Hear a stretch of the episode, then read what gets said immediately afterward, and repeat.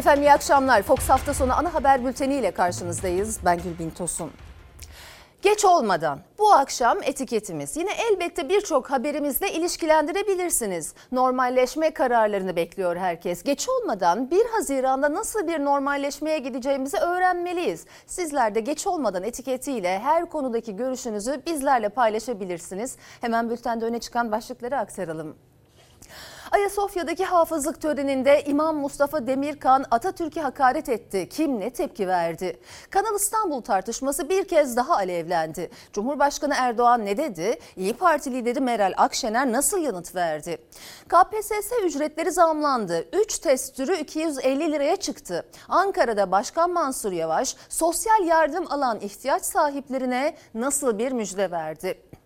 Ve bültenin sonunda da yine SMA'lı çocuklarımız ve biyonik kulağa ihtiyacı olan ama SGK yüzünden cihazlara ulaşamayan 40 çocuğumuz için haberlerimiz var.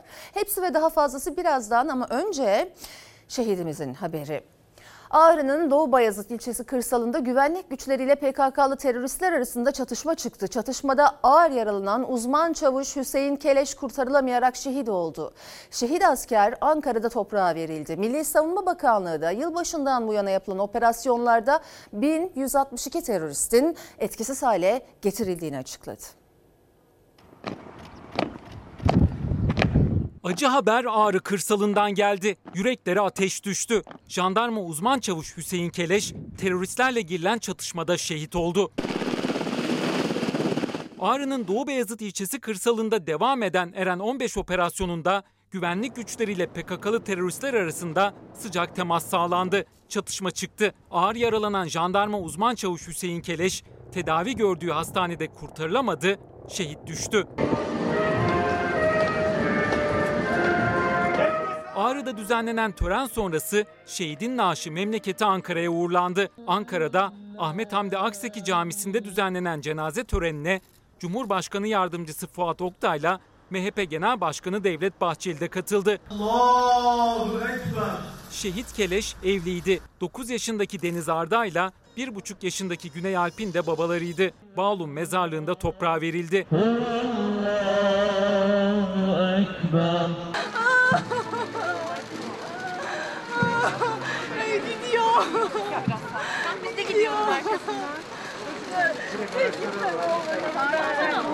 Kahraman asker vatan toprağıyla buluşurken Milli Savunma Bakanlığı terörle mücadelede gelinen son nokta ile ilgili bilgilendirme toplantısı yaptı. 1 Ocak'tan itibaren yurt içi ve sınır ötesinde PKK, KCK, PYD, YPG ve FETÖ başta olmak üzere DAEŞ dahil terör örgütlerine karşı toplam 181 operasyon icra edilerek 225 Mayıs ayında olmak üzere bugüne kadar toplam 1162 terörist etkisiz hale getirilmiştir. Şehidimize Allah'tan rahmet, yakınlarına başsağlığı diliyoruz. Efendim ve devam edeceğiz şimdi bültene. Ee, yeniden normalleşme için hazırlıklar 1 Haziran tarihine yapılıyor. Aylardır iş yapamayan esnaf da temizliklere başladı. Bakanlar Kurulu pazartesi akşamı kafe ve lokantaların durumu için kararını açıklayacak ama esnaf kısıtlı saat uygulaması olabilir diyerek malzeme almak için parasını yatıramıyor. Zaten birçoğu kapılarını borçla açacak. Temizliğimizi yapıyoruz inşallah bir Haziran'da açılır. Tak diye kapatıyorlar tak diye açıyorlar öyle olmaz ki. Tarihleri geçiyor yani. Şu anda bunlardan da basan 3000 liralık mal var. 1 Haziran'ı yani normalleşme kararını bekliyor herkes. En çok da esnaf. Aylardır kilitli olan dükkanlarının kapıları tekrar aralandı. Şimdilik sadece temizlik için. Beklenti 1 Haziran'da tam kapasite saat kısıtlaması olmadan hizmet verebilmek. Bir ümitle şu an hazırlık yapıyoruz 1 Haziran'a. Daha önceki açılışta akşam 7 gibiydi hikayemiz. Aslında oysa bizim hikayemiz 5'te 6'da başlıyor.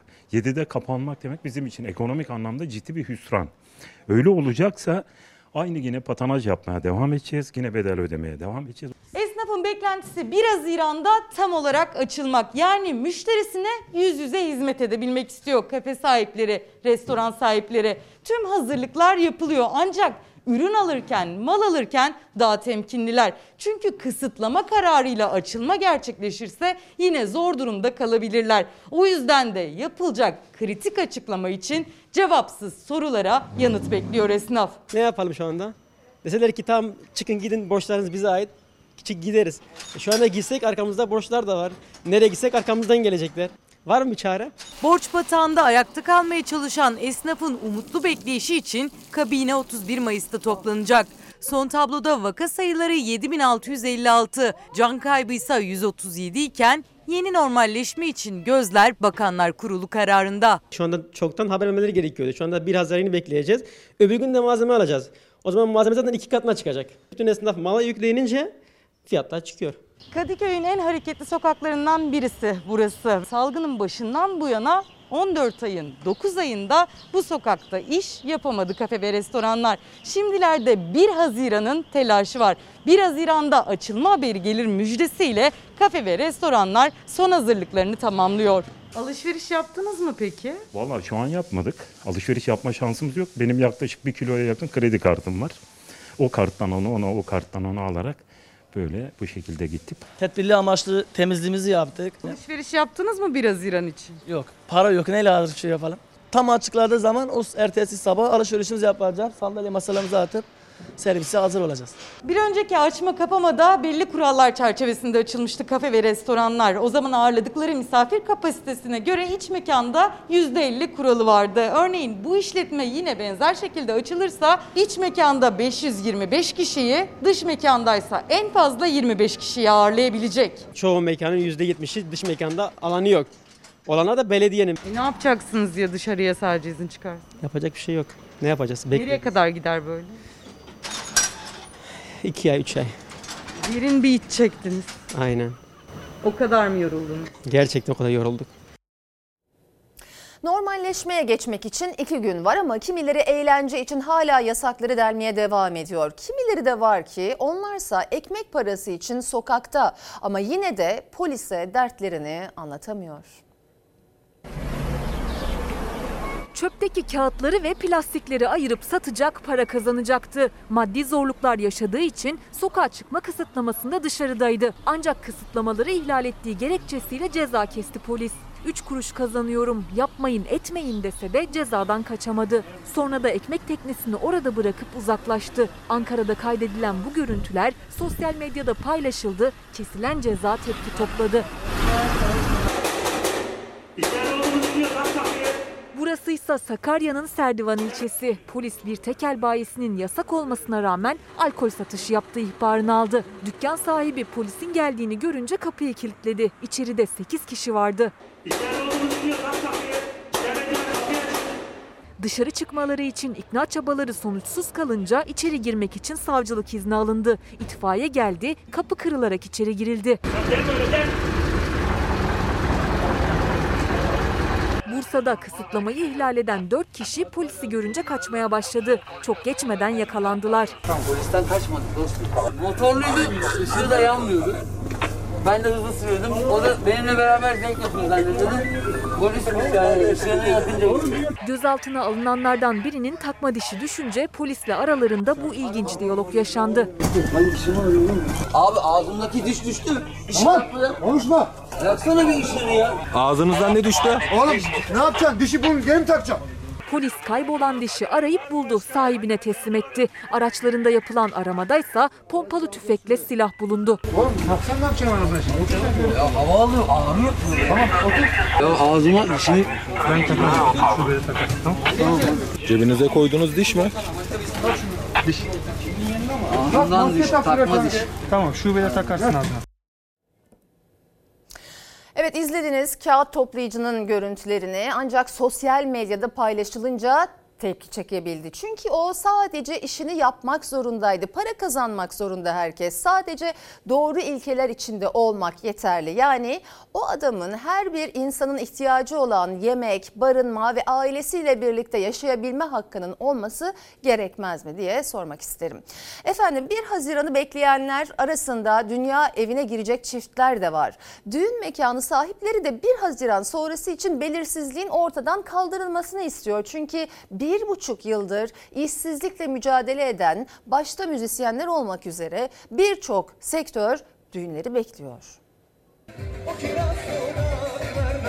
Benim payımı hayır İnanılmaz bir talep var. Kır bahçesi olması sebebiyle. Bu talebi açıkçası karşılamakta zorlanıyoruz. Fakat e, insanlar ve biz ileriyi göremiyoruz. Yani ne zaman açılacak, saat kaça kadar açılacak aydınlatılmasını istiyoruz devletimiz tarafından. Beklenti büyük ama belirsizlik sürüyor. Çiftler heyecanla bekliyor, işletmeciler de. Sadece dünya evine girecekler ve düğün mekanı sahipleri de değil. Çünkü bir düğün demek müzisyeninden aşçısına, kuaförüne herkesin para kazanabilmesi demek. Aşçımızdan tutun, müzisyenlerimizden hepsi çok mağdur durumda kaldılar. Burada hiçbir iş olmadığı zaman benim müzisyenim, aşçım gelmedi, fotoğrafçım gelmedi. Ekmeklerinden oldular aslında. Kemik personellerimiz bizimle birlikte kaldı ama biz bunların maaşlarını ödemek durumunda kaldık. Çok büyük sıkıntılara girdik. 1 Haziran için Bakanlar Kurulu kararı beklenirken mekanlar son hafta sonunda hazırlıklarını tamamladılar. Masalar kuruldu, sandalyeler dışarı çıkarıldı, pistin tozu alındı, dünya evine girmek için yürünen yollar yenilendi. Süslemeler de tamamlandı. Düğüne katılanlar HES kodu sorularak işletmemize alınacak. Maske zorunlu. Açık hava olduğu için herhangi bir sıkıntı yaşanacağını düşünmüyoruz. Geçen yılın evlenecek olan çiftleriyle bu yılın evlenecek olan çiftleri dört gözle 1 Haziran'ı bekliyor. Kapasitemiz 1500 kişilikse biz bunu 500 kişiye düşürdük. Masalarımız 12 kişilikse 8 kişiliğe düşürdük. Düğün tarihini bu yaz erteleyenler de birikti. Mekanlara talep var ama 1 Haziran sonrası için bir ön bilgi yok. Açıkçası geçen yıldan beri bekleyen çiftlerimiz var. Onlar bizden daha fazla e, bekliyorlar, daha heyecanlılar. Çiftler heyecanlı, işletmecilerse bir umut bu hafta gelecek bir müjde bekliyor. Çünkü salgında en büyük zarar aylardır kapalı olan ve açılmayan eğlence sektöründe. Yaklaşık bir buçuk yıldan beri en çok etkilenen sektörlerden biriydi aslında. E, Bir tek biz değil, e, salon sahipleri olarak bunu konuşmuyorum. Bu destekler e, bize yetmedi. Tabii yine de ama teşekkür ederiz. Her şey eskiye dönsün istiyoruz. Türkiye isimleri aynı ama etiketleri ettikleri dua tam tersi olan iki imamı konuşuyor. İstanbul'un fethi kutlamalarında İmam Mustafa Demir Atatürk ve silah arkadaşlarını duasında rahmetle anarken Ayasofya'daki hafızlık töreninde İmam Mustafa Demirkansa Cumhurbaşkanı Erdoğan'ın da dinlediği duasında Ayasofya'yı müze yapanlara kafir, zalim dedi. Müze kararının altında Atatürk'ün de imzası olunca çok özür diliyorum. Ülkenin kurucu liderine lanet okundu diyerek tepki gösterdi muhalefet. Duayı biz dinleyen Erdoğansa sessiz. bir asır gibi bir zaman içerisinde bu mabedi şeriften ezan-ı Muhammediye, namaz, her şey yasak olarak müze haline çevrildi. Onlardan daha zalim, daha kafir kim olabilir? Ya Rabbi Kimlerin damarlarında kafir ve zalim kanı akar, vatansever Sütçü İmam'dan beri çok iyi biliriz. Bu cumhuriyetin banisi Atatürk'e hakaret eden bu imam cesareti kimden alıyor? bir daha bu ümmetin başına gelmesini mukadder buyurma ya Rab. İmam Mustafa Demirkan, Cumhurbaşkanı Erdoğan'ın da dinlediği duasında Ayasofya'yı müze yapanlara zalim kafir dedi. 1934 yılında Ayasofya'nın müze olması için alınan kararın altında Atatürk'ün de imzası var. Muhalefet bu hakaretler ülkenin kurucu liderine edildi derken asıl tepkiyi de Erdoğan'ın tepkisizliğine gösterdi. Bu kutuplaştırıcı iklimden seçim devşirmeye çalışan Sayın Erdoğan'a söylüyorum. O hutbe verilirken siz oradayken kalkıp itiraz edebilmeliydiniz. Türkiye Cumhurbaşkanı kurucu Cumhurbaşkanına hakaret edilen ortamda bu hakareti huşu içinde dinliyor. Yazıklar olsun. Cumhurbaşkanı Erdoğan hafız olan 136 öğrenciyle Ayasofya'daydı. Devletin zirvesinin katıldığı etkinlikte İmam Mustafa Demirkan duaya başladı. İsim vermeden ama kimi kastettiğini tarif ederek kafir zalim ifadelerini kullandı. Erdoğan da dinledi o sözleri. Müze haline çevrildi. Onlardan daha zalim, daha kafir kim olabilir? Utanmadan, sıkılmadan bu milletin Mustafa Kemal Atatürk'üne zalim ve kafir diyorsunuz. Balkanlarda yıkılan o camilerin akıbeti neyse Ayasofya'da, Süleymaniye'de, Fatih Camisi de öyle olurdu. Yiyin için Atatürk'e dua edin. Bir daha bu ümmetin başına gelmesini mukadder buyurma ya Rab. Demirkan'ın Ayasofya'da yankılanan bu sözleri muhalefete geçmişi hatırlattı. Maşallah. Erdoğan Ayasofya'ya Cumhuriyet ve Atatürk düşmanı imam tayin etmek konusunda pek mahir. Belli ki bunu bilerek yapıyor. Bizim inancımızda vakıf malı dokunulmazdır. Dokunanı yakar, çiğneyen lanete uğrar. Diyanet İşleri Başkanı Ali Erbaş 86 yıl sonra Ayasofya'da okunan ilk cuma hutbesinde isim vermeden lanet okumuş, onun da sözleri Atatürk'e hakaret olarak yorumlanmıştı. Erbaş geçmişi değil geleceği kastettim diyerek savunmuştu kendini. O tartışmadan yaklaşık bir yıl sonra bu kez Cumhurbaşkanı'nın gözleri önünde bir imam daha Ayasofya'yı müze yapanlara çevirdi oklarını. Hiç vakit geçirilmeden hakkında soruşturma başlatılıp bunu mahkemeye sevk etmeliler. Yargıya ilk başvuran Memleket Partisi lideri Muharrem İnce oldu. İmam Demirkan hakkında suç duyurusunda bulundu. Sosyal medyada çığ gibi büyüyen tepkiler üzerine AK Parti sözcüsü Ömer Çelik Atatürk'le ilgili paylaşım yaptı ama Atatürk'e hakaret eden, infiale yol açan imama tepki göstermedi. Atatürk ve silah arkadaşlarının düşmana karşı verdiği soylu mücadeleyle ülkemiz ve milletimiz ile ezanımız, camilerimiz ve mescitlerimiz de düşman tehdidinden kurtulmuştur. Rahmet ve şükranla anıyoruz. Ömer Bey, Ömer Bey, bugün Atatürk'e hakaret eden Mustafa Demirkan'a bir şey demeli ve hakkında soruşturma açıldığını açıklamalısınız. Yoksa bu rezalete de parti olarak ortak olursunuz. Mustafa Demirkan Atatürk'e hakaret ettiği gerekçesiyle gündemdeyken yine İstanbul'da Büyükşehir Belediyesi'nin fetih kutlamalarında bir başka imam Mustafa Demir ise Atatürk'e ettiği dua ile konuşuluyor. İstanbul'umuza bakarak işgalcilere geldikleri gibi giderler diyerek Cumhuriyetimizin banisi Gazi Mustafa Kemal Atatürk ve onun silah arkadaşlarına cümle şehitlerimize rahmet eyle. Cumhur İttifakı herhangi bir referandum için gerekli 360 sayısına ulaşamıyor. Mecliste 337 sandalye ile temsil ediliyor. Buna karşılık Cumhurbaşkanı Erdoğan yeni anayasa için muhalefet desteklemezse millete gideriz dedi. Kılıçdaroğlu referandum yapılacaksa bu ancak erken seçim kararı için yapılır restini çekti. Muhalefet topyekün referandum değil seçim sandığının konulmasında birleşti.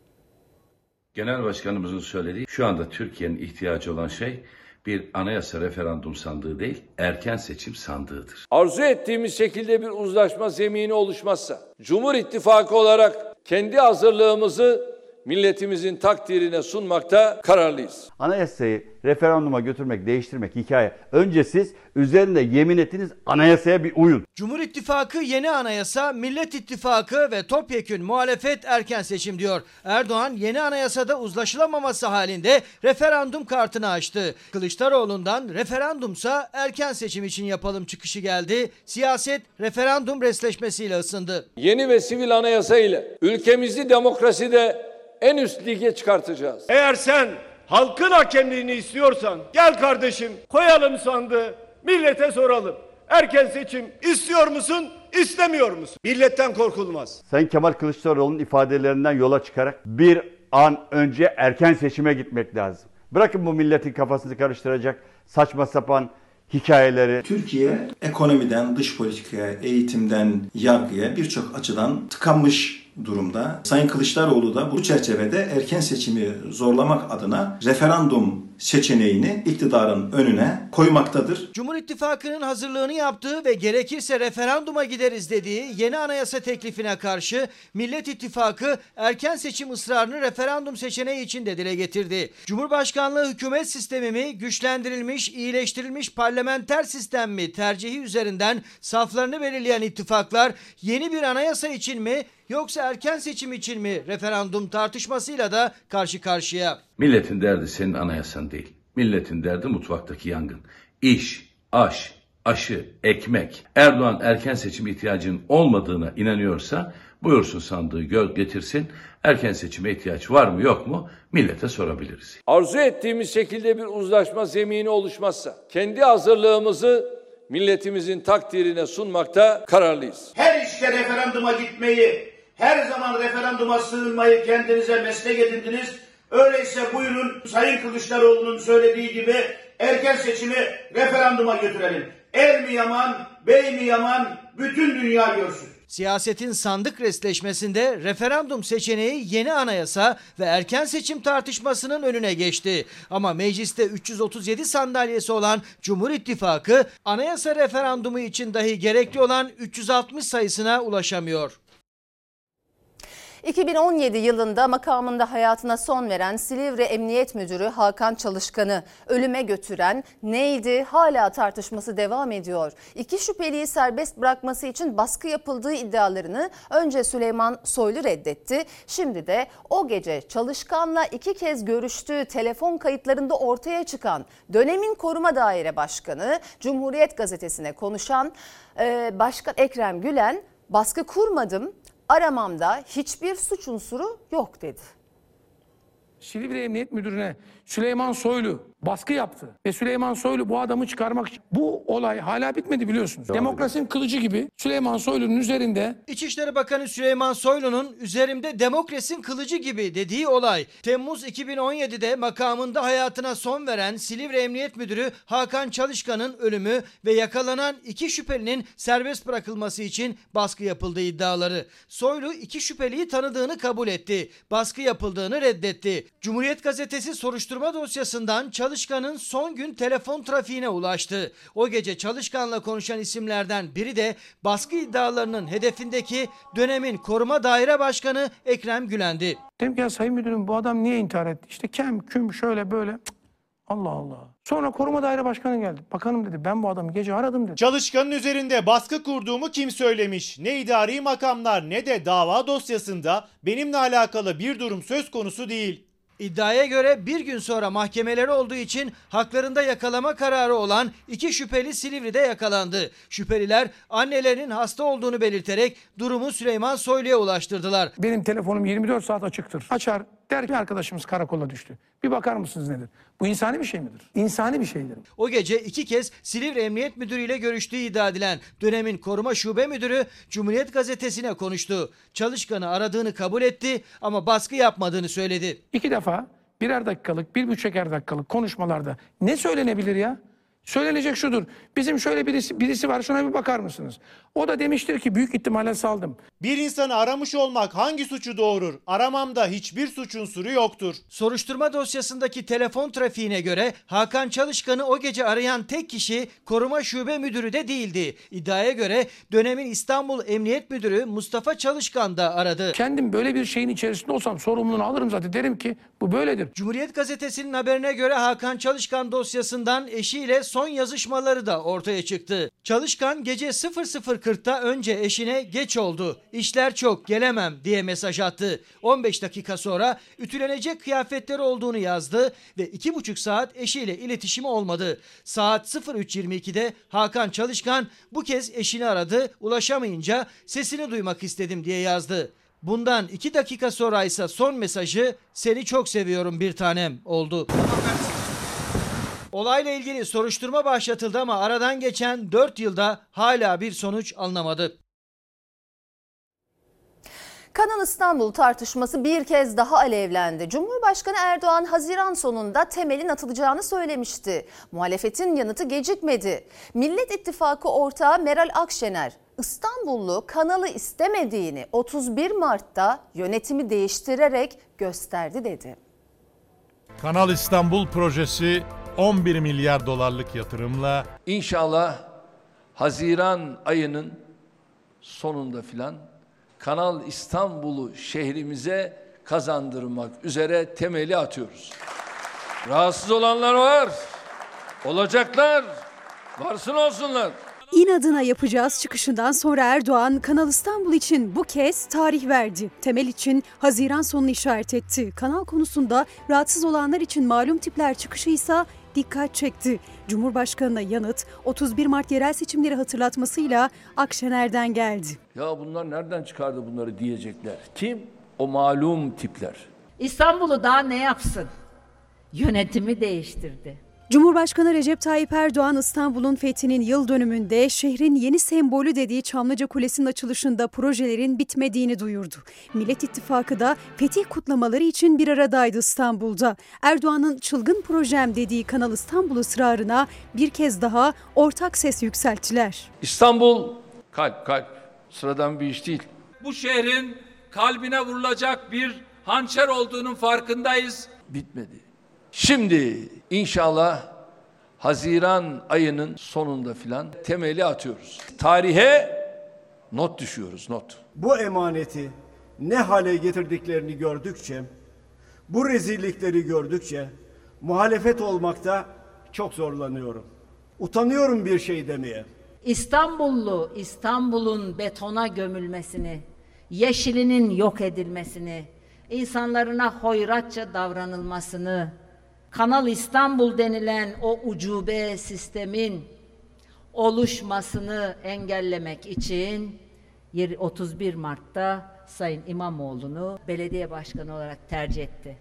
İstanbul'u daha ne yapsın? Gözler şimdi Haziran sonunda Erdoğan'ın Kanal İstanbul'la iki şehir yaratılacağını açıklaması da hem muhalefetin hem de çevrecilerin tepkisini büyüteceğe benziyor. Kanal İstanbul'un üzerinden 6 tane köprü göreceksiniz. Ve bu 6 köprüyle adeta Kanal İstanbul'un sağında solunda iki şehir inşa edeceğiz. O iki şehirle beraber İstanbul bir başka olacak. Daha başka bir güzel olacak. Bir izleyicimiz ismi yok e, bir başka isimle daha doğrusu e, hesap açmış. Geç olmadan Kanal İstanbul'u yapalım çünkü seçim yaklaşıyor demiş. Efendim Marmara Denizi için artık çok geç. Bu sözler deniz bilimci Profesör Doktor Cemal Saydam'a ait. Denizin üstü de altı da deniz salyasıyla kaplı. Üzeri temizlense bile uzmanlara göre dibe yani canlıların asıl yaşam alanı dip e, alanı ölmek üzere ve ne yazık ki yapılabilecek çok da fazla bir şey yok.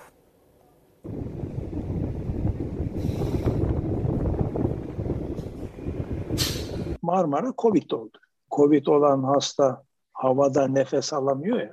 Sudaki canlılar da şimdi hava alamıyor. Yani suyun içinde boğuluyorlar. Dipte durum daha felaket. Marmara'da yaşam sona eriyor. Marmara Denizi deniz salyasıyla kaplandı. Artık nefes alamıyor. Denizin üstü de altı da kırmızı alarm veriyor. Marmara Denizi'ndeki bu ürkütücü görüntünün nedeni denizin durgunluğu ve deniz suyu sıcaklığının artması ama aynı zamanda bir başka önemli faktör var ki o da denizlerin kirliliği. Bu sadece görünen yüzü. Çünkü deniz salyası aynı zamanda dibe de çöküyor ve sahte bir dip yapısı oluşturuyor. Bu da balıkların üremesini, beslenmesini ve göç etmesini engelliyor. Eylül-Ekim geldiğinde balıkçılar sefere çıktığında kalan son balığı kim avlayacak yarışına girecekler. Herhalde onu da madalyalandırmak lazım. Balık e unutun. Aynı zamanda sudaki oksijeni de azaltıyor. Burası Bostancı sahili ve denizin yüzeyi bir tabaka halinde deniz salyasıyla kaplanmış durumda. Bir balık deniz salyalarının üzerine çıktı ancak suya tekrar inemiyor. Yüzlerce balık var böyle e, oksijensizlikten ölüp e, su üstünde kalan. Yaklaşık 4 ay önce başladı. Marmara Denizi salyayla kaplandı. İstanbul, Kocaeli, Adalar, Tekirdağ, Çınarcık, Bursa, Erdek, Körfez kıyıları ve daha da ciddisi denizin derinlikleri. Tüm Marmara Denizi tehlike altında. Dalgıçlar su altındaki vahameti böyle görüntülediler. Maalesef işin daha iyisindeyiz. Şimdi bu yüzeyde gördüğünüz bu yükler ilk başta 25 metreye 30 metreye çökecek. Daha sonra da dibe geçecek.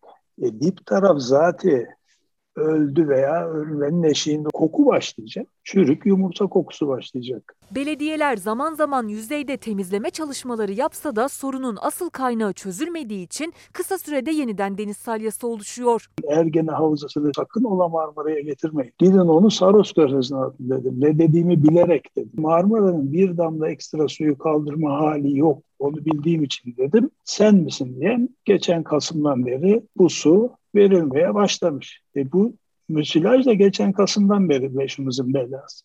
Arıtmanız lazım. Arıtma tesisleri de yapıldı. En göz önünde olan İSKİ'nin arıtma tesisleri hep çalıştı.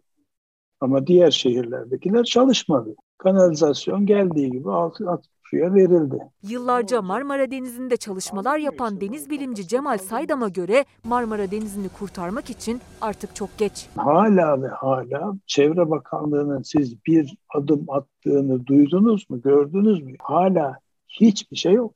Hep beraber seyredeceğiz. Seyretmekten başka ne yapılabilir peki hocam? Hiçbir şey yapamazsınız. Doğayla böyle oynayıp sistemi bir kere düzenden bozduğunuz zaman aradan yılların geçmesi lazım. Pandemi maliyeti arttırdı, kuraklıkta tuz biber oldu. Çiftçi en kara günlerini yaşıyor. Adana'da karpuz üreticileri maliyetlerinin çok altında 50 kuruşa bile ürününü satmakta zorlandı. Tepkilerini karpuzlarını yere fırlatıp kırarak gösterdiler. Ankaralı buğday üreticilerini kuraklık vurdu. Tarlalar susuz kaldı, buğdaylar büyümedi. Ortak çağrı devleteydi. Karpuzu başınıza çalın. Olur mu böyle ya? Olur mu ya? Karpuzlarının para etmemesine tepkiliydiler ama onları bu noktaya getiren devletten yeterli destek görememenin yarattığı hayal kırıklığıydı biraz da. Geçen yıla göre maliyeti yarı yarıya artan üretici binbir emekle yetiştirdiği karpuzlarını yere fırlatıp parçaladı. Buğday üreticisini de kuraklık vurdu. Buğday yetişmedi tarlada. Zararları çok büyük. Çiftçinin son hali budur. Gelin görün. En azından e, hayvanlara yem olsun, otlansın diye hayvanları saldık. Türkiye'nin en erken karpuzu Adana'da yetişir ama bu sene maliyetinin çok altında 50 kuruşa bile alıcı bulmakta zorlandı üretici. Yaktınız bizi, mahvettiniz. Karpuz 50 kuruşa olur mu? Lütfen Cumhurbaşkanım biraz gör, gör şu çiftçiyi. 70 kuruştan fazla ulusal ve yerel marketlere karpuz veremiyoruz. Ve şu anda hangi Türkiye'nin hangi ucuna giderseniz gidin yerel ve ulusal marketlerde 4 lirayla 6 lira arasında karpuz satılıyor. Geçen seneye göre maliyetlerimiz %50 arttı. Tarladan kalkan buğday un olup evlerimize ekmek olarak dönecekti. Ama şimdilerde gördüğünüz gibi hayvanlara otlama yeri oldu. Buğdaysa kuraklığa yenik düştü. Normal şartlarda bunun boy olarak iki misli olması gerekiyordu. Ha meşhur bizim Sakarya'mız. Haline bakın. Sakarya Nehri bu yıl çok erken bir dönemde kurudu. Ankara'nın Kara köylülerinin ektiği buğday büyümedi. Daha hala mücadele ediyor. Yeşilliğini koruyor ancak maalesef e, başak çıkartması mümkün olmamış. İlgisizlikten yakınan köylüler devlete seslendi. Tarım Bakanımız e, bundan yalan olmasın bir iki hafta önce gelmiş Polatlı'da müzeler dolaşmışlar gitmişler. Yani köylülere e, hiçbir gelen giden yok. Türkiye Ziraat Odaları Birliği Genel Başkanı Şemsi Bayraktar'ın açıkladığı Mayıs ayı kuraklık raporuysa tablonun daha da vahimleştiğini ortaya koydu. Mayıs başında kuraklıktan etkilenen il sayısını 22 olarak açıklamıştık. Mayıs yağışları yetersiz olunca kuraklıktan etkilenen il sayısı 41'e çıktı. KPSS ücretleri zamlandı. 3 test türü 250 liraya çıktı. Daha fazla alanda sınava girecekler için bu ücret daha da artıyor. Zaten işsiz olan gençler bu parayı ailelerinden nasıl isteyeceklerini düşünürken ailesinin geliri olmadığı için isteyemeyecekler de var. İşte Ankara'da bu zor durumda olan gençler için belediye devreye girdi. Başkan Mansur Yavaş sosyal yardım alan ihtiyaç sahiplerinin KPSS ücretini belediye karşılayacak dedi. 3 sınava gireceğim. Toplamda 3'ü 270 TL bir tutar yapıyor. Fiyatlar çok pahalı. Yani aileme söylemeyi hani gerçekten hani insan utanıyor. 300 lira yani bir aile için askeriye çalışan bir aile için gerçekten çok zor. Asgari ücretli için zamlanan KPSS ücretini vermek zor ama salgınla birlikte gelirsiz kalan aileler için çok daha zor. Ankara'da Büyükşehir Belediyesi devreye girdi. İhtiyaç sahibi ailelerin çocuklarına destek için KPSS ücretlerini karşılayacaklarını duyurdu Mansur Yavaş. Ekonomik sıkıntıların ve salgının dalgaları varsa iyiliğin de ikinci dalgası var. Pandeminin neden olduğu ekonomik faciayla birlikte sosyal yardım alan ailelerin sayısı 203 bini buldu. Sosyal yardım alıp KPSS'ye başvuran ihtiyaç sahiplerinin sınav ücretlerini karşılıyoruz. Kamu personeli seçme sınavı geçen yıla göre %14 zamlandı. 3 test 215 liradan 245 liraya çıktı. Üstelik bir alandan fazla oturumda sınava girecekler için bu ücret daha da artıyor. Sınava giren gençlerin pek çoğuysa zaten işsiz. Babamdan rica edeceğim bu üçüncü girişim olacak sınava. Babam uygun bulursa o parayla sınava girmeyi düşünüyorum. KPSS genel yetenek ya da eğitim bilimleri oturumu geçen yıl 80 liraydı 90 liraya çıktı. Alan bilgisi sınavları ise 55 liradan 65 liraya. Öğretmenlik sınavı da yine 80 liradan 90 liraya yükseldi. Çok fazla bir fiyat ve seans başına ücret ödeniyor. Hani tek bir sınav değil mesela biz 3 sınava giriyoruz. İş peşindeyiz. Şu anda işsiziz. Ailemden alacağım ben. Ailesinden alamayacak durumda olanlar da var. Ailesinin hiç geliri olmayanlar. Ankara Büyükşehir Belediyesi daha önce de salgın döneminde işsiz kalan, bu yüzden belediyeden sosyal yardım alan ailelerin çocuklarının üniversite sınav ücretini karşılamıştı. Bu kez de işsiz gençlere de destek olacağını duyurdu Başkan Yavaş. Sadece ekmeğimizi değil bir şehrin ümitlerini paylaştık. Ankara Büyükşehir Belediyesi'nden sosyal yardım alan ihtiyaç sahipleri KPSS ücreti için 9 Haziran saat 18'e kadar belediyenin internet adresine başvurabilecek. Bilim insanı olma yolunda bir genç 21 yaşındaki Arda Mavi geliştirdiği yapay zeka ile TÜBİTAK yarışmasında Türkiye birincisi oldu. Uluslararası yarışmada da dünya dördüncüsü. Kendi uzmanlık alanı için sadece yurt dışında okuyabilir ama burs bulamadığı için okuyamıyor. Bütün donanımıyla o hala lise mezunu.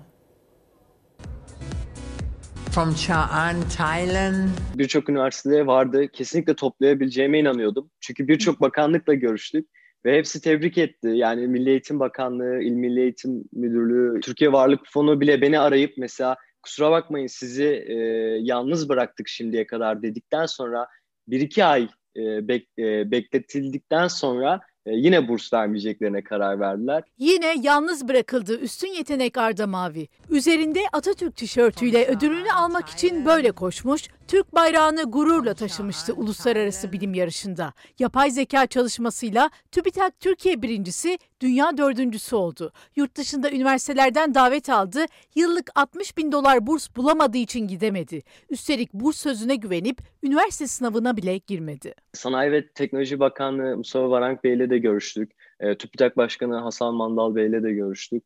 Ee, ama durum bu. Ankara Ayrancı Anadolu Lisesi mezunu Arda Mavi 21 yaşında. Daha ilkokuldayken programlama çalışmalarına başladı. Pek çok makale yayınladı. 2018'de TÜBİTAK Türkiye birincisi oldu. Amerika'daki Uluslararası Bilim ve Mühendislik Fuarı'na gitmek için hazırlanıyordu ama gereken destek eksiklerle bir yıl sonra yarışmaya iki ay kala geldi. Buna rağmen e, dördüncü olduk ve e, buna gurur duyuyorum. Destek problemi çekiyor öğrenciler. Yani donanım desteği almıyorlar ya da proje için destek almıyorlar. Ki bizde de afiş ücretimiz dahi ödenmemişti yani yarışmaya giderken. Yarışmadan döndüğünde üniversite sınavına sadece bir ay kalmıştı. Sınava girmedi. Çünkü Amerika'da yapay zeka konusunda uzmanlaşmış üniversitelere başvurmuş ve davet almıştı. Gitmek için burs sözünü aldı ama o burs gelmedi. Bize neden burs verilmediğini sordu. Türkiye'de ok- okuyabilirsiniz cevabını aldık. Alanımda uzman Türkiye'deki kişilerin olmadığını e, bahsettiğimde de ikinci kere tekrar sorumu tekrarladım ve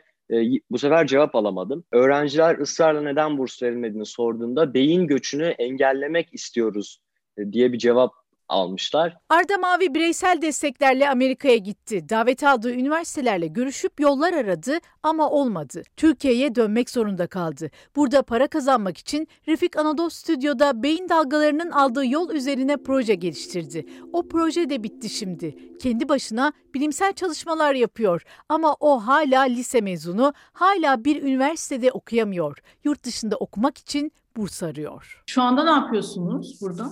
Şimdi tekrar üniversite için hazırlanıyorum açıkçası. Yani şu an üniversitede okumuyorsunuz öyle mi?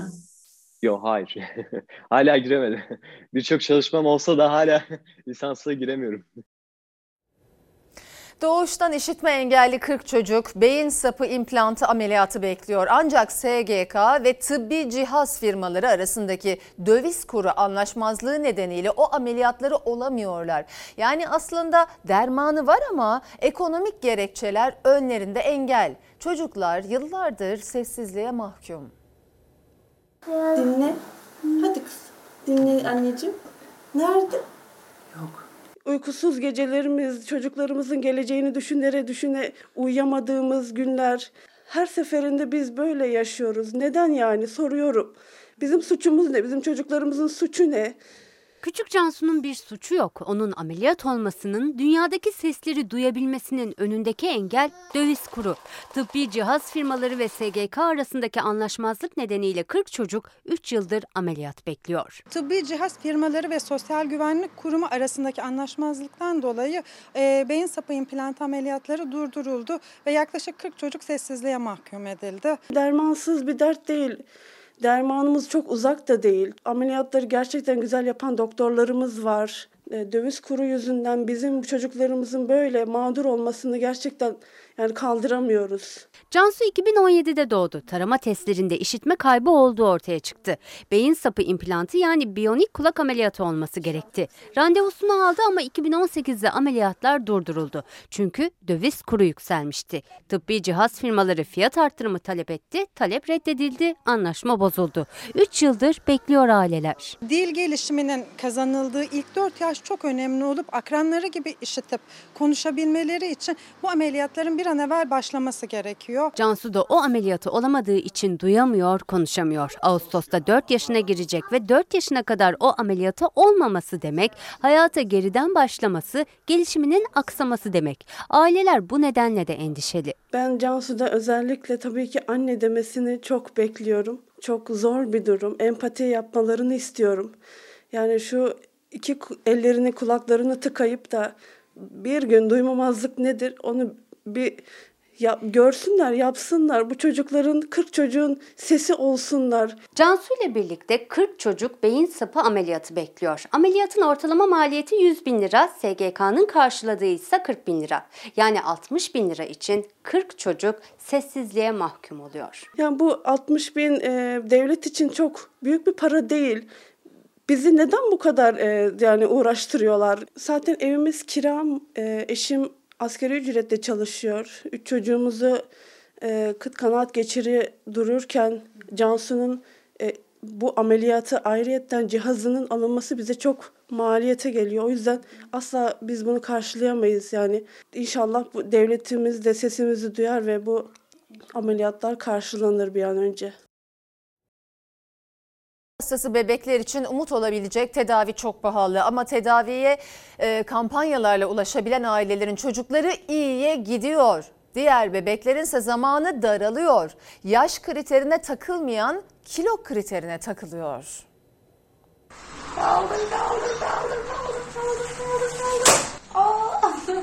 Defne Işıkdere, Amine Sultan Beyaz Durna, Ali Ürün, Muhammed Ali Akyol, Havin Ömür Aydar.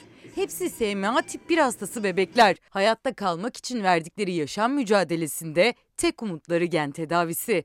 Ancak umut için bile para lazım. Hem de çok fazla. Onun küçücük bir umudu var. Sadece bir buçuk kilo almaması gerekiyor. Havin ölmesin, Havin yaşasın, Havin yaşarsın. Ciğerlerine kedi her şey kaçtığında ciğerleri mahvolmuş, zatür olmuş kuzum. O çok sevdiği ekmeği yiyemeyecek.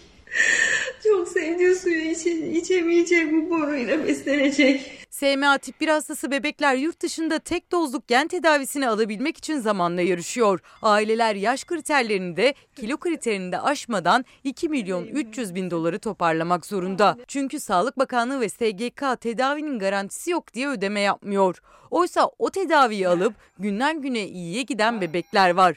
Pamir gibi. Nefes alamazken şimdi bisiklete binebiliyor. İşte bu nedenle bebeklerin tek umudu düzenlenen yardım kampanyaları. Muhammed Ali'nin kas kaybına uğramadan, e, kaslarını kaybetmeden bir an önce tedavisine ulaşması lazım. E, Muhammed Ali yediği yemeğin, içtiği suyun bile tadını alamıyor. 2 yaşını geçmeden önce bu tedaviye götürmemiz lazım. Tek şansımız o.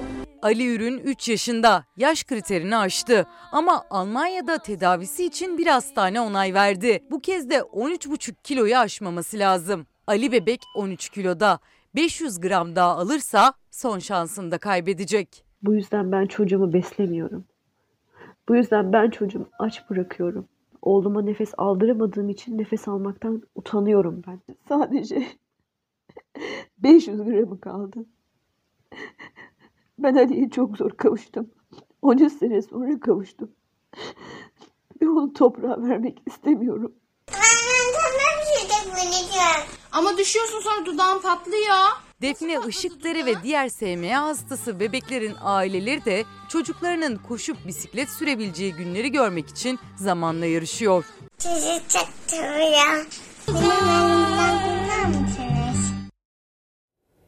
Efendim hep haber yapıyoruz. SMA'lı çocuklarımızı, kistik fibrosisli çocuklarımızı işte biraz önce de izlediniz. Ee, 40 tane 60 bin liraya sadece ihtiyacı olan 40 çocuğumuzun haberini devlet büyüklerine seslenmek gerek, hükümete, yetkililere seslenmek gerek. Lütfen bari çocuklarımızın sesini, feryadını duyun efendim.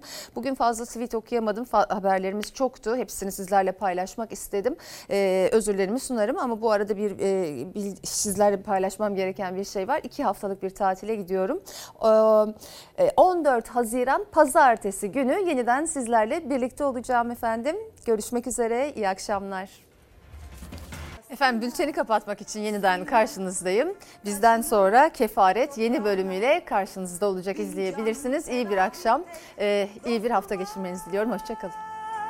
Her köşesi cennetin ezilir yerler için Bir başkadır benim memleketim